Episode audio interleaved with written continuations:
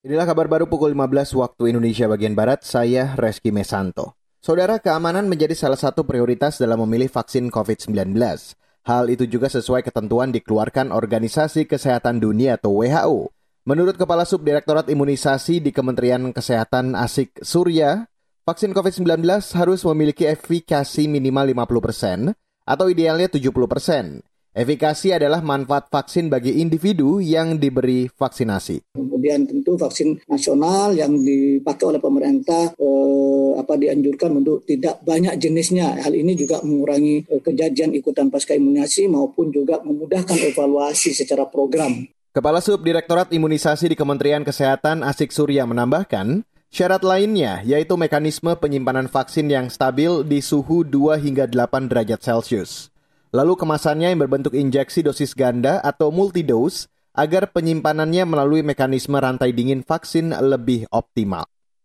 Beralih ke informasi selanjutnya, Saudara, Gerakan Pemuda Ansor atau GP Ansor Banyuwangi Jawa Timur bakal menerjunkan lebih dari 2.000 personel barisan Ansor serbaguna atau Banser untuk menjaga keamanan saat ibadah Natal. Ketua Pengurus Cabang Gerakan Pemuda Ansor Banyuwangi, Ivan Arif, mengatakan, dari ribuan banser yang diterjunkan, nantinya ada 50 hingga 100 personel yang ditugaskan membantu Polri dan TNI menjaga keamanan di sejumlah gereja besar di Banyuwangi.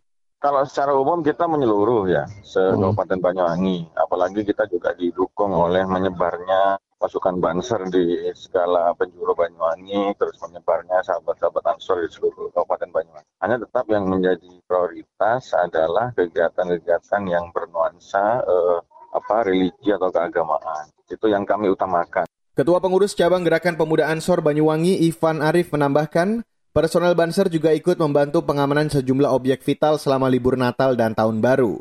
Keterlibatan Banser Nadatul Ulama dalam membantu pengamanan ibadah Natal di sejumlah gereja menjadi agenda kerja tahunan.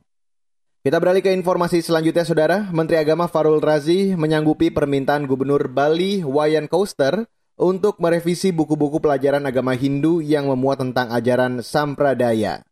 Menurut Fahrul, seperti dikutip antara news.com, revisi sudah dilakukan dan dalam waktu dekat buku pelajaran agama Hindu akan segera diselesaikan.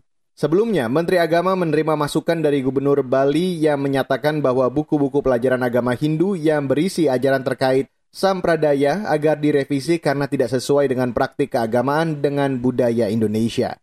Demikian kabar baru KBR saya Reski Mesanto.